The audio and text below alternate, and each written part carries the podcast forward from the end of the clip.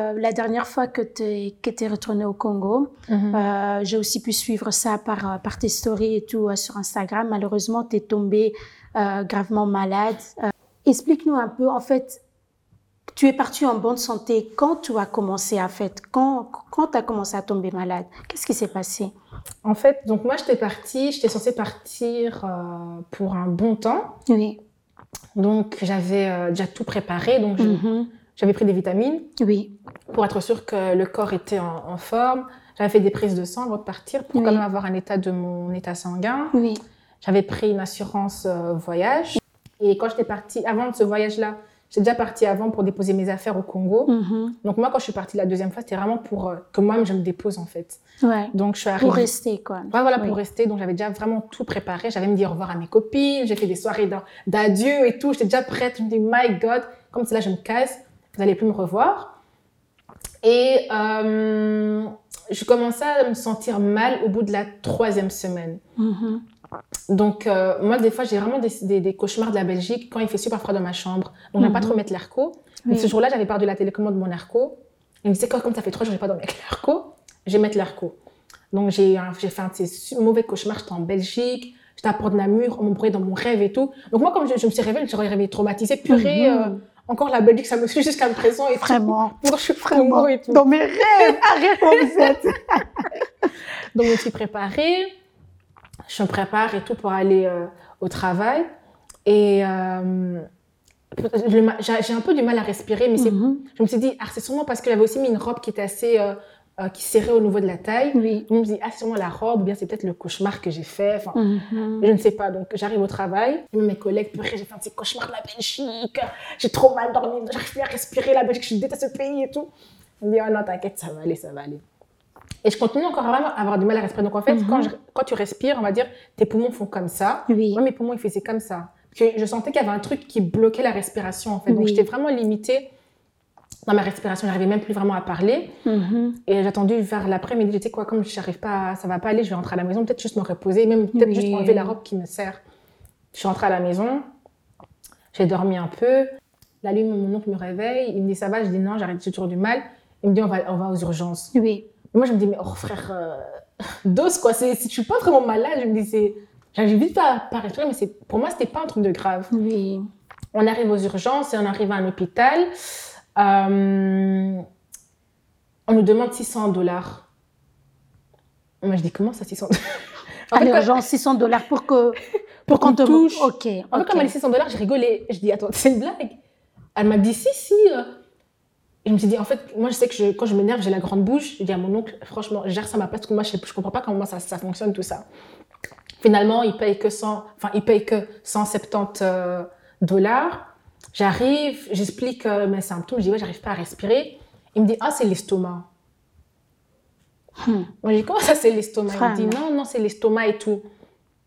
Moi, je dis, bon, ok. Il est en train de m'examiner et tout. Il me dit, ouais, non, c'est sûr, c'est l'estomac, c'est l'estomac. On va donner des calmants. Donc, on m'a transfusé des calmants, tout ça, tout ça, des antidouleurs. Et puis, ça allait mieux. Donc, moi, je me dis, ah, finalement, ah, je savais pas que c'était lié à l'estomac, la respiration. Je savais pas du tout. Donc, moi, je suis rentrée à la maison pensant que tout allait bien. Oui. Le matin, je me, je me réveille, à nouveau la même douleur. Moi, je dis, j'arrive pas à aller au travail comme ça. Et ça s'est même empiré parce que j'avais du mal à parler, en fait. Ok. Donc là, on retourne à l'hôpital parce qu'ils avaient fait des prises de sang euh, quand on est arrivé aux urgences. Ils avaient fait un test Covid. Et moi, j'étais venue pour prendre les résultats parce que comme je travaille aussi dans un bureau, il faut savoir si j'ai pas le Covid. Parce que moi, dans ma tête, Oui. je me suis dit, j'ai le Covid. Oui. On arrive à l'hôpital encore une fois. Euh, Oh non, les résultats sont pas encore prêts, il faut attendre, je sais pas quoi. Le test Covid, il arrive bientôt. On dit, ouais, mais les, les- les tests sanguins. Ah, on n'a pas fait de tests sanguins. Je dis, mes frères, mais si. Non, non, non, on n'a pas fait. Mais je dis, ça c'est quoi? Donc j'avais encore le bandeau. Je dis, ça c'est quoi alors? Donc il commence à paniquer. Il cherche, il cherche, il cherche, il cherche. Oh, madame, on n'a pas trouvé votre sang. Ils ont perdu donc les flacons. Moi, je dis, attends, c'est une blague. Et qui t'a perdu mon sang? Oh non, je dis, tu sais quoi, j'ai pas que ça à faire, refais encore un truc de sang, tu vois. Donc finalement, on a, on a encore- euh, encore dû attendre. Et là, je parle, je vais mettre un accent sur le fait d'avoir un entourage à Kin, parce que j'ai mes tantes qui, qui étaient, qui étaient là, donc j'avais mes deux tantes, mais elles, elles travaillent. Mais Oui. quand elles devaient partir, j'avais des amis qui étaient là pour m'aider aussi à l'hôpital. Oui. Mais si t'as pas ça, tu fais comment? Et j'étais dans un état là où je n'arrivais pas à parler. Donc la respiration était devenue tellement difficile que parler pour moi c'était impossible en fait. Donc je chuchotais ou bien je devais écrire un truc et puis je disais à la personne, dis ça à ma place. Je fais les tests, je fais les tests, on dit finalement il faut attendre jusqu'à 13h. Moi je fais depuis 7h du matin. J'ai fait, j'ai fait le test en gars à 22h, comment ça je vais encore attendre? On me dit, ah non, euh, oui c'est l'estomac, vous n'avez pas de test Covid, on va vous donner un traitement pour euh, gérer l'estomac. Apparemment c'est une gastrite. Moi je dis, bouf. Je dis, ça vient d'où? Ah, ça semble manger quelque chose de travers. Mais moi, dis, pour moi, cette théorie ne collait pas parce que le Congo, je suis déjà habituée. J'ai déjà mangé dans des endroits, on va dire limite le ghetto. Donc, la nourriture, j'ai du mal à croire que c'est vraiment ça. Mais comme c'est des docteurs, ils ont mis des vestes blanches, ils ont dit la médecine. moi, dans ma tête, j'ai confiance en, eux. Je prends le traitement. Donc, ils m'avaient donné du dafalgan et du, euh, du gaviscon que je vais prendre genre quatre fois par jour mais le gaviscon, je savais pas, ça, ça empirait mon estomac, donc ça attaquait mon mais estomac. Oui, parce que même euh, truc d'afalgan et tout, quatre fois par jour, même pour de marque, estomac, non? Ouais, ouais. C'est pas très bien. Bon, Yaya, continue seulement. Et euh, donc, je restais à la maison, mais c'était horrible. Donc, le matin, je me réveille. Déjà, je me réveille, je suis essoufflée parce que je me suis juste réveillée. Oui. Je dois prendre du temps pour me calmer. Je descends les escaliers, je suis essoufflée. Je vais dans, à la cuisine. Heureusement, j'ai des travailleurs. Je demande qu'ils me fassent à manger. Je mange, je suis essoufflée, je dois retourner dans ma chambre, me reposer d'avoir mangé. Donc juste le fait de manger, ça me fatiguait en fait. Oui. Je partais me laver, alors me laver, je me disais me laver parce que ça, ça j'avais l'impression de m'étouffer dans la douche. Oui. Donc je me lavais, ça me prenait blindé de temps. Après ma douche, je dois me reposer parce que je me suis lavée, ça m'a fatiguée. Donc là, il est déjà midi, 14 heures. Donc, tu as déjà perdu la moitié de ta journée et je suis vraiment en incapacité de faire quelque chose. Donc, j'avais mon petit frère, euh, il a un an. Et comme il ne s'est pas monté l'escalier euh, tout seul, je devais le porter. Mais c'est un bébé en fait. Donc à un moment, je l'ai porté, je suis montée avec lui aux escaliers, je l'ai déposé. J'ai dû prendre une pause et même me, me, comment dire, me reposer contre le mur parce que j'étais KO, j'arrivais pas à respirer. Chaque fois, je disais PMA, PMA, ça veut dire respiration, respiration. J'arrive pas à respirer. Ouais. Respiration, respiration.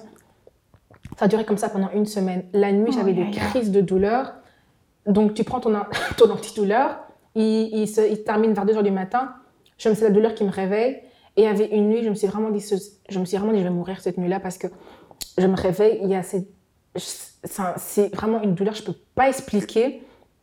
Ça m'a tellement fait mal que je me suis, j'étais même paralysée en fait. Oh, Donc j'arrivais ni, j'arrivais plus à aller ni à gauche ni à droite. J'étais juste sur mon lit et tu vois, j'étais juste en train de pleurer. Je me dis mais Seigneur, tu veux que je meure comme ça? J'ai encore rien fait de ma vie. Je suis encore toute jeune. En plus moi j'ai rien volé pour venir ici. Ah, tu vois, je suis au Congo, vraiment, like, this? c'est vraiment comme ça que je dois mourir. Je me dis mais c'est pas possible. Moi je, je prenais le traitement, je prenais tout à la lettre et ça n'allait pas. Et même moi. euh, je me suis dit, il faut que je rentre. Parce que déjà, mes parents, ils voulaient que je rentre. Genre, le Mhm. premier jour que j'étais tombée malade, et moi, je disais, oh, ça fait qu'un jour que je suis malade, Oui. mais après cinq jours, je me suis vraiment dit, non, il faut que je rentre, il faut que je rentre. Et l'hôpital m'appelle. Oh, finalement, on a trouvé euh, les résultats de votre, euh, de votre test euh, qu'on a fait. Il s'avère qu'il faut venir à l'hôpital, je sais pas quoi. Donc, je viens à l'hôpital. Heureusement j'étais avec un ami. Je dis au mec, vas-y, parle à ma place parce que comme c'est là, j'arrive pas à parler. Ah non, vous avez une gastrite. Il faut savoir que la gastrite, c'est vraiment la cause des 70% des cancers ici au Congo. Ça va vraiment être un traitement qui est très dur. Ça va durer au moins entre 14 et 21 jours. Euh, donc, euh, demain, vous avez rendez-vous avec un spécialiste, je sais pas quoi, en gastro, je sais pas quoi. Moi, je demande au docteur, je peux travailler quand même. Il me dit, oui, vous pouvez travailler dans votre état, il n'y a pas de souci. Mais moi, je le regarde, je me dis, mais attends. Déjà que moi, je suis venue ici à l'hôpital, je suis en panne, je suis juste mis un truc, parce que je suis juste dépassée, je suis j'arrive pas à respirer. Et tu me dis que je peux aller travailler dans cet état-là. Là, je me suis vraiment dit, en fait, il y a un truc qui clochait. Et entre-temps, Ouais. la famille, ils disent, mais non, c'est l'estomac, c'est l'estomac. Mais moi, dans ma tête, je sais que c'est pas l'estomac, je sais que c'est mes poumons. Ouais. Je dis que c'est mes poumons, c'est mes poumons. P, ma P, ils disent, non, les poumons, c'est ici. Toi, tu dis que tu as mal ici. Mais les poumons, c'est- comme ça, les poumons, c'est pas seulement là. Donc, moi, je sais que j'ai mal ici, mais vous dites que. Oh. Finalement, je dis, quoi, comme c'est là, j'ai pas le temps à perdre. Même la Mhm. famille dit, rentre à la maison parce que tu vas pas rester comme ça. Oui. Je prépare mon retour euh, pour la Belgique. Faire un retour euh, catastrophique. Donc, juste le fait de faire un test Covid, si tu dois changer ton ticket. Et en fait, le Congo, déjà, c'est pas euh, assez avancé comme ici, Mhm. dans le sens où tu peux pas euh, directement sur ton téléphone faire Ouais, des trucs comme faire ça. tout, oui. Tu dois vraiment toujours te déplacer. Transport, mon chauffeur était pas là, donc je devais prendre le taxi moi-même, commencer à me trimballer, prendre la moto et tout pour faire toutes mes courses moi-même. C'était vraiment la folie. Et l'embouteillage. embouteillage. Et je me dis encore, heureusement que moi, je suis, j'étais avec des gens, Mhm. mais je veux déjà comme prendre le taxi. Mais une personne, une personne qui vient juste comme ça, qui n'a personne, mais c'est la Mhm. folie. C'est la, tu connais pas le chemin, tu vas faire comment Tu connais pas le docteur, tu parles même pas le lingala. C'est vraiment, c'est, C'est super dangereux. Oui. C'est très, très dangereux. Et euh, finalement, je pars, en- je retourne en Belgique. J'ai plus- j'ai juste pris un sac à dos. Le sac à dos, il, était vide. Il n'y avait que mon Mhm. PC dedans. Je ne savais même pas quoi prendre. Moi, dans ma tête, je me suis dit, je vais retourner en Belgique. On va sûrement me dire, oui, madame, c'est juste, euh, vous êtes enrhumée, vas-y, prenez juste ça. Et- Mhm. Et je me suis dit, ça va durer max deux semaines. Je me suis vraiment dit, je vais faire max deux semaines en Belgique, puis je retourne au Congo. Ça ne peut pas être si grave que ça, parce que la façon dont il parlait de ça au Congo, je me suis dit, j'ai un truc, mais c'est pas si grave que ça. Donc, euh, je suis dans l'avion, j'ai une fièvre, mais pas possible. Ah, j'avais, j'ai jamais eu une fièvre aussi élevée. Donc, prends l'avion la nuit, Oui. il fait froid. Oui. Et moi, j'étais en singlet et je transpirais. J'étais toujours froid. J'étais remplie de transpiration, j'étais mouillée de partout. J'étais, vra- j'étais vraiment dans un état pitoyable. Mon père me cherchait à l'aéroport et on se dirige directement euh, vers les urgences. Et moi aussi, je suis là avec mon toit, le coussin des avions. Je dis, ouais, Oui. madame, je de prendre l'avion. Euh, Il y a ça, ça, ça, ça, ça. Je montre même le bilan médical qu'il m'avait, m'avait donné au Congo. Et je dis, ouais, je suis venue pour me faire soigner et tout. Donc, on, on s'occupe de moi, tout ça, tout ça. Et euh, je pense vers 10 heures, euh, je suis arrivée là-bas à 7 heures. Et ils me disent, ouais, on voit un truc euh, au poumon. Hmm. Moi, je dis, bon, ok. Donc, ils continuent à faire des radios, continuent à faire des tests et tout. Il me dit, ouais, il y a du liquide dans les poumons. Mais euh, je pense que ça va aller et tout. Enfin, le docteur, il pensait, comme la façon dont tu parles, tu arrives à marcher et tout, je pense que ça va aller de toute façon, on rentrer à la maison. Donc, moi, dans ma tête, je dis, qu'est-ce que tout, je vais rentrer à la maison. Donc, j'attends, j'attends, j'attends, j'attends, j'attends. Finalement, il y a un docteur euh, spécialiste du sang Oui. qui me convoque et qui me garde vraiment dans la cabine euh, des, des- on va dire, c'est genre une chambre d'hôpital pour les urgences. Oui. Et de base, ils m'avaient déjà retiré de là-bas, mais là, ils m'ont- remis. Donc moi, je dis, bon, ok, au moins, je peux te coucher. Donc euh, j'attends, j'attends, j'attends, j'attends, j'attends. Entre-temps, je suis en train de rigoler. Ah, ah, ah, trop marrant, je suis à l'hôpital, euh, ça me fait trop rire. euh, LOL. Elle me dit, euh, elle, elle m'assied, elle s'assied sur mon lit. Elle me dit, ouais, non, te parler, c'est vraiment sérieux. Donc moi, je dis, bon, What's happening? explique-moi. Elle me dit non, en fait, tu es gravement malade, donc tu vas devoir rester ici. Mais j'ai eu un de ces fous rires. Je me suis moquée d'elle devant sa face. Je dis, tu te fous de ma gueule? Je dis, comment ça, je dois rester, je dois rester ici Elle me dit non, je suis restée, je, je, je me suis assise avec euh, six collègues spécialistes. Franchement, ton cas, on n'a jamais vu ça de notre vie. En tout cas, c'est vraiment, c'est vraiment dangereux. Donc, tu vas devoir rester ici. Moi, je dis, comment ça- Enfin, en fait, tu passes une semaine. On te dit que c'est pas grave, c'est pas grave, c'est pas grave L'estomac. euh, c'est vite fait, vite fait. T'arrives en Belgique, on te dit que c'est vraiment grave. Moi, je dis, bon, euh, ouais, ok. Dans ma tête, je dis, ok, peut-être je vais pas faire mhm. une semaine en Belgique, je vais peut-être faire deux semaines en Belgique. Oui. Le lendemain, quand je suis, à- je suis euh, encore à l'hôpital, on m'explique qu'on va m'opérer. Et on me dit, ouais, il y a moins que tu as, le cancer. Et, et les docteurs, en fait, chaque fois qu'ils viennent dans ma chambre, ils me regardent, ils ont pitié de moi. Donc, tu vois vraiment qu'ils se disent, cette pauvre enfant, qu'est-ce qui lui arrive? En plus, je suis toute jeune, mais je dis, mais comment ça doit m'opérer? Comment ça j'ai le cancer? Ils m'ont dit, tu as une chance sur deux d'avoir un cancer. Et ce que tu as dans ton corps, ça fait peut-être un, ça fait peut-être un bon temps que c'est là dans ton corps, tu, mais tu n'as juste pas remarqué. C'est qu'au Congo que ça, ça, ça s'est, pour Ouais. raison, ça s'est exposé. Et moi, je me dis, mais- donc j'ai pas, j'ai pas la gastrite, comme ils m'ont dit, mais ils- ont dit, mais déjà, pour, quand tu as la gastrite, il faut qu'on passe par avec un tube dans ton, dans ton, dans ton estomac pour venir voir si tu as la gastrite. On sait pas dire comme ça que tu as la gastrite. Ouais. Il dit, même si tu avais la gastrite, on t'a donné que des calmants, on t'a pas donné d'antibiotiques. Ils ont dit, comment ça, ça, ça- ça se fait? Parce que quand ils ont vu les- la liste de médicaments qui m'avaient soi-disant prescrits, ils ont dit, mais il n'y a pas d'antibiotiques, comment veux-tu que tu, tu sois guéri en fait avec Ouais. ce traitement-là? Ils ont dit, ceux qui t'ont dit, c'est faux. Au Congo, on m'avait fait prendre un régime, donc je ne pouvais pas manger chaud. Avait beaucoup d'aliments que je ne pouvais plus manger. Mhm. Donc j'explique ça aussi au docteur. Il m'a dit, mais or, c'est pas vrai, tu peux manger tout ça. Et moi, je me dis, mais attends. Je me dis encore, heureusement pour moi, j'avais un cas qui n'était pas si, si urgent. Si c'était urgent, mais c'était pas si urgent dans le sens où je n'allais pas mourir dans 8 heures. Oui. Il y a des personnes dans ce cas qui meurent dans 2 heures, en fait. Yeah, yeah. Il y a des personnes qui meurent dans 2 heures, des personnes qui meurent qu'ils n'ont juste pas d'argent. Moi, heureusement, j'ai de l'argent, j'ai l'assurance qui intervient. Enfin, intervient. Euh, AIG, remboursez-moi, en fait. L'argent, c'est où? Remboursez-moi. Claiming our money.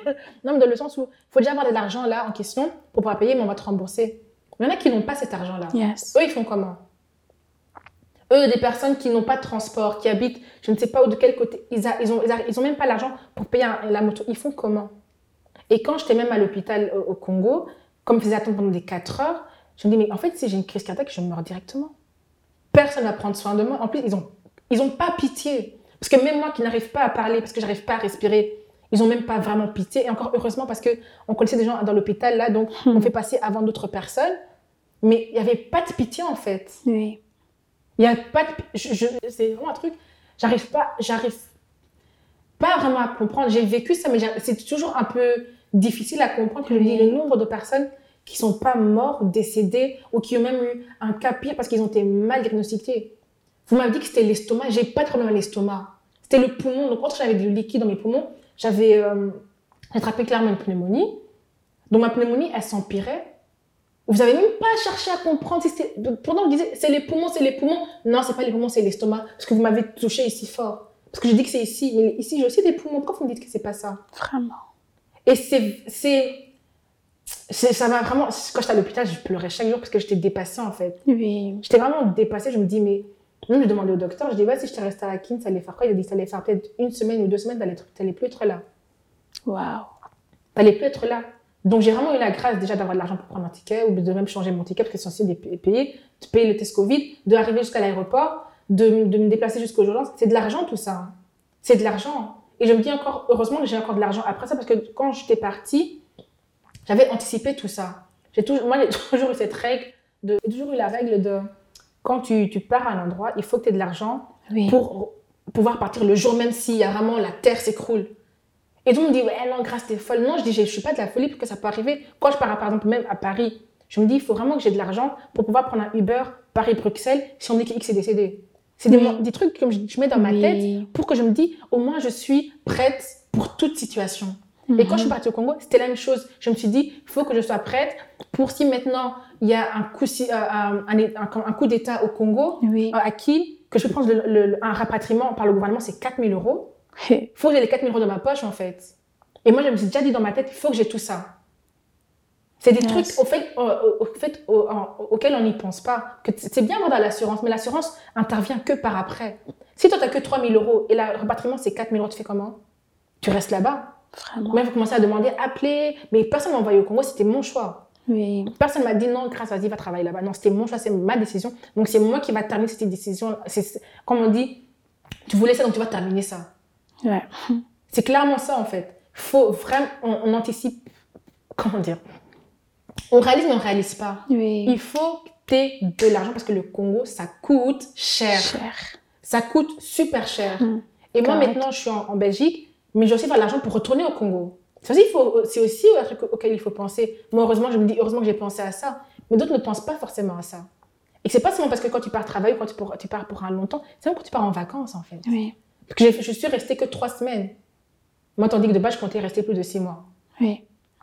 Et même pour revenir sur ce que le docteur euh, il avait dit au Congo, euh, il m'avait dit pas de congé maladie, tandis qu'ici, il m'a donné deux mois de congé maladie.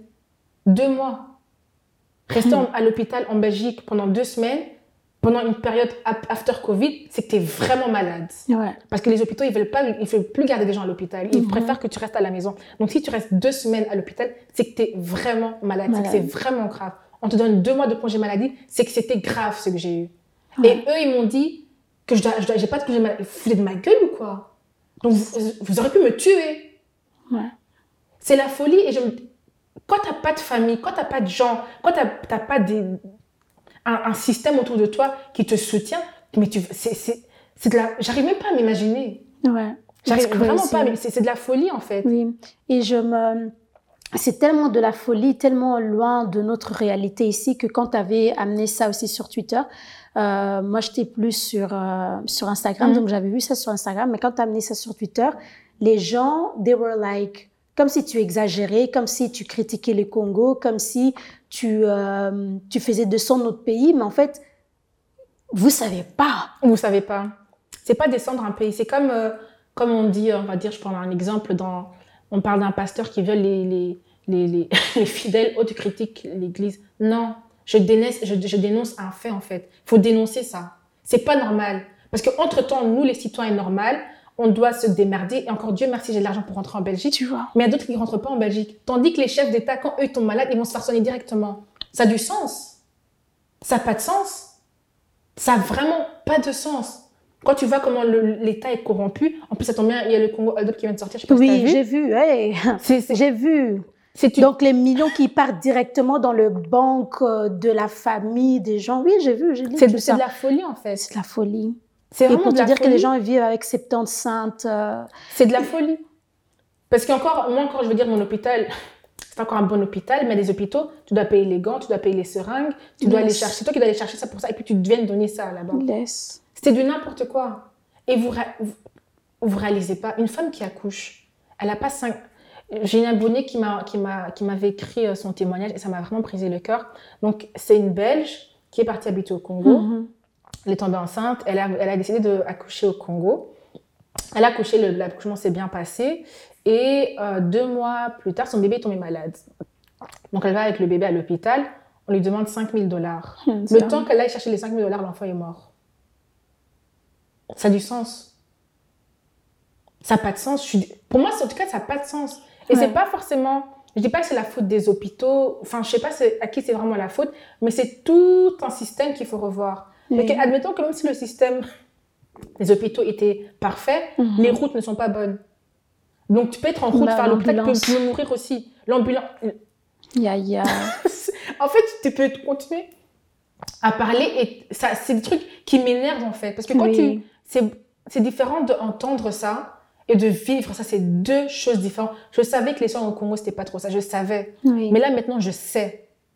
Je peux vraiment dire, moi, j'ai vécu ça. Je sais que c'est pas. que je peux jamais faire soigner au Congo. Jamais. Si moi, maintenant, je suis enrhumée demain au Congo, je prends un avion, je préfère so- soigner mon rhume en Belgique et puis retourner. C'est impossible que ces docteurs me touchent. C'est mort. À moins que j'ai peut-être un docteur, je sais pas, de la Croix-Rouge ou des docteurs sans Mhm. frontières qui viennent venir. Là encore, dans ce cas-là, peut-être. Mais c'est de la folie, en fait. Ouais. C'est vraiment de la folie. Oui, et comment, comment euh, tes parents ont réagi, aussi ta famille là-bas au Congo, c'est sûr qu'ils étaient choqués et tout. Parce que tu vois, tu es là-bas, c'est c'est vraiment, c'est leur responsabilité et tout. C'est eux tes parents euh, là-bas. Et comment, comment ils ont réagi et comment si tes parents ici après, comment, Mais c'est comment va ta stressant, famille? c'est stressant. T'as ton Bien enfant, tu sûr. l'envoies. l'enfant, il part en bonne santé. L'enfant revient, doit le- on doit l'opérer. C'est vraiment, c'est c'est de la... C'est du stress, mais après, je veux dire, dans mon cas, Oui. La maladie ne prévient pas. Mhm. Donc, c'est pas comme... J'avais déjà pris toutes les précautions pour, Oui. mais ça m'est quand même arrivé. Ça peut arriver à tout le monde. Ce qui m'est arrivé, c'est pas... euh, C'est pas comme si je mangeais mal, c'est comme si j'étais en mauvaise santé ou je fumais des cigarettes. Non, ça peut arriver à tout le monde. La maladie, ça arrive quand ça veut. Et quand ça vient, tu dois te soumettre à la maladie et faire en sorte que la, ma- la maladie, maladie là, en question, elle part. Donc oui, c'est stressant, c'est, ça, ça fait du mal, mais je me dis que je suis dans des bonnes mains en fait. Oui. Moi, quand en tout cas, j'étais à l'hôpital, j'avais plus de stress de purée. J'avais encore peur, oui. Mais j'étais pas dans le truc, putain, qu'est-ce qui va m'arriver encore, qu'est-ce qui va m'arriver encore, parce que je sais que je suis dans- entre des bonnes mains, Ouais. je sais qu'on va prendre soin de moi. Au Congo, c'était pas forcément la même chose. Mhm. Parce que moi, à chaque fois, je me disais, quand ça va se terminer, ça va se terminer quand, ça va se terminer quand? Ça faisait qu'une semaine que je me sentais pas bien. On- on- ça fait maintenant, ça fait combien de temps que je suis en Belgique Ça fait peut-être un presque deux mois.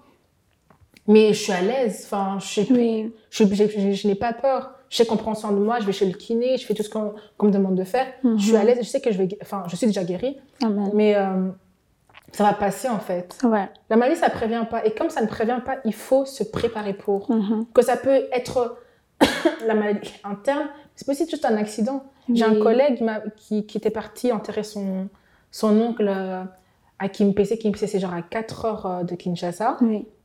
Et sur le chemin de la route, il a- ils ont fait un accident de, de voiture. Donc deux camions se sont embrassés. Et là, il explique que lui, il a, qu'il a eu un choc sur la hanche, mais son voisin, il a perdu sa jambe.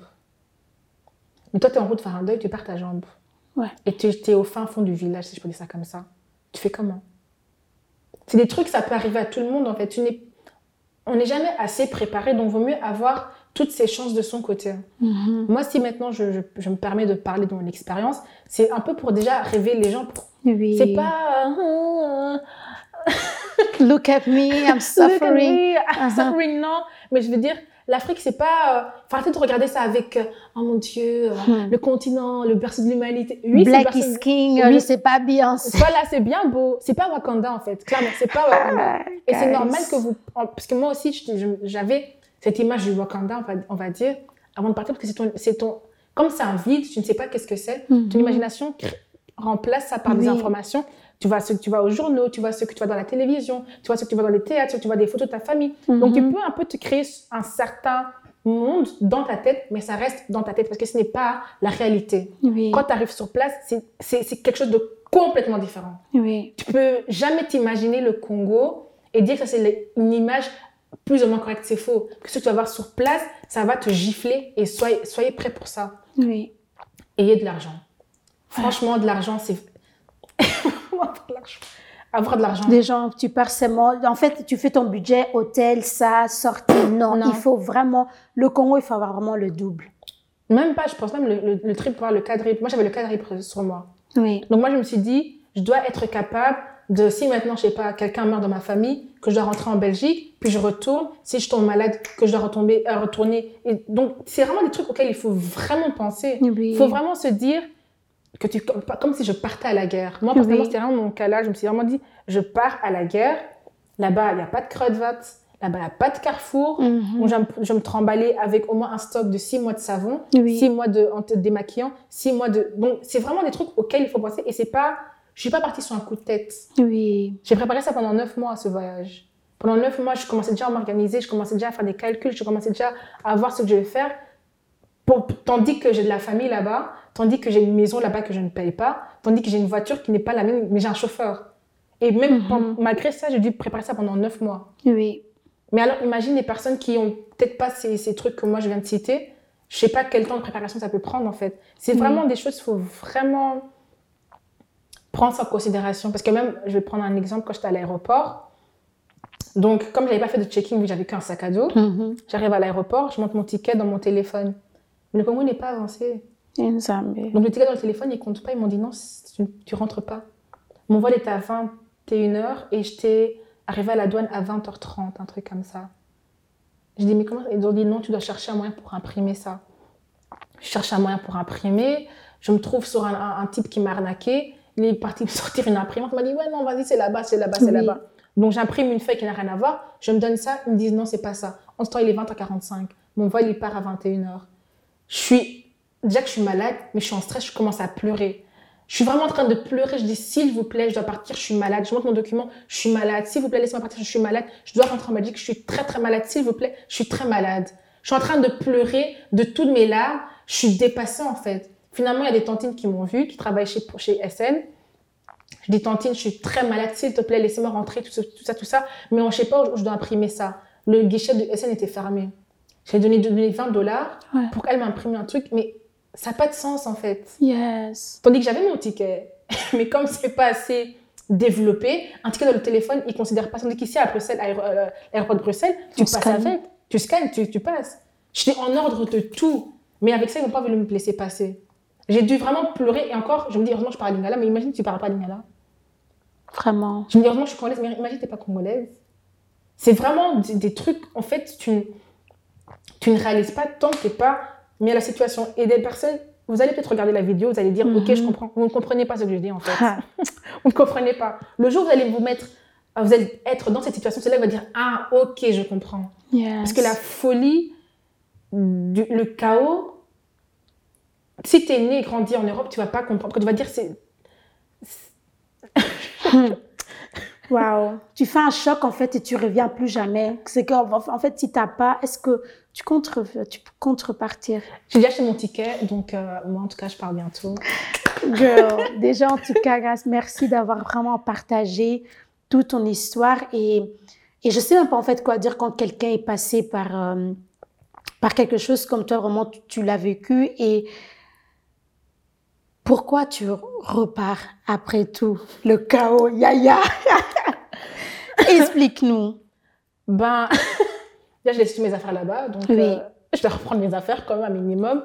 Mais au-delà de, de ça, moi, je suis partie, j'avais un projet en tête. oui Donc, je me suis dit, j'ai pas, j'ai pas, je me suis pas préparée pendant neuf mois pour que cette maladie, ça ne ça, ça va pas m'arrêter, en fait. oui C'est mis en pause, oui, là, je suis en pause, malheureusement. Mais après, je vais guérir. Je pense vraiment que je vais Oui. rester ici en Belgique. euh, Non, en tout cas, moi, personnellement, en Belgique, je suis pas heureuse. oui Ça, je veux vraiment dire, quand je suis ici, quand je regarde la personne que je suis là-bas et la personne que je Mhm. suis, je suis une personne complètement différente. Au Congo, je me retrouve plus facilement. Je, même, je, ça me pousse même encore plus à... Je suis plus ambitieuse là-bas, à devenir Oui. la meilleure personne de moi. Je trouve que je suis mieux entourée, si je peux dire ça comme ça. Après, Mhm. faire attention, on peut t'empoisonner, on peut te faire du mal. Mhm. Ça, c'est des informations qu'on sait déjà. Mais j'aime tellement le Congo que je, que j'a- je me retrouve en fait. C'est Oui. vraiment ça, je me retrouve. Et c'est au-delà du, des rooftops, des safaris, parce que même c'est des trucs que j'ai pas.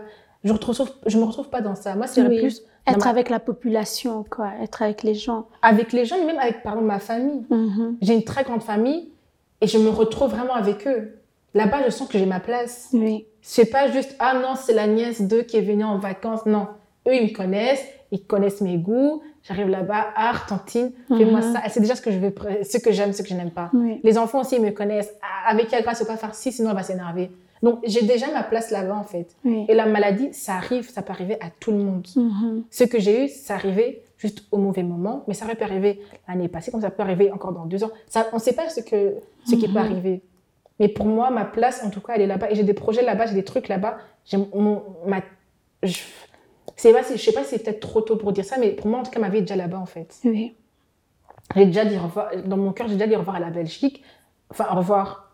J'ai déjà dit à tantôt ou je sais pas quoi. Mhm. J'aime la, enfin, j'aime la Belgique. La Belgique, ça reste ma maison. Oui. Ça reste euh, mon QG. Tu as des si j'ai un problème, voilà. je, peux, je peux compter sur mes gens ici en Belgique. Mhm. Là, sur ce coup-là, ça, c'est, je, c'est, je peux pas nier ça. Mhm. Mais mon cœur, en tout cas, mon cœur se trouve là-bas.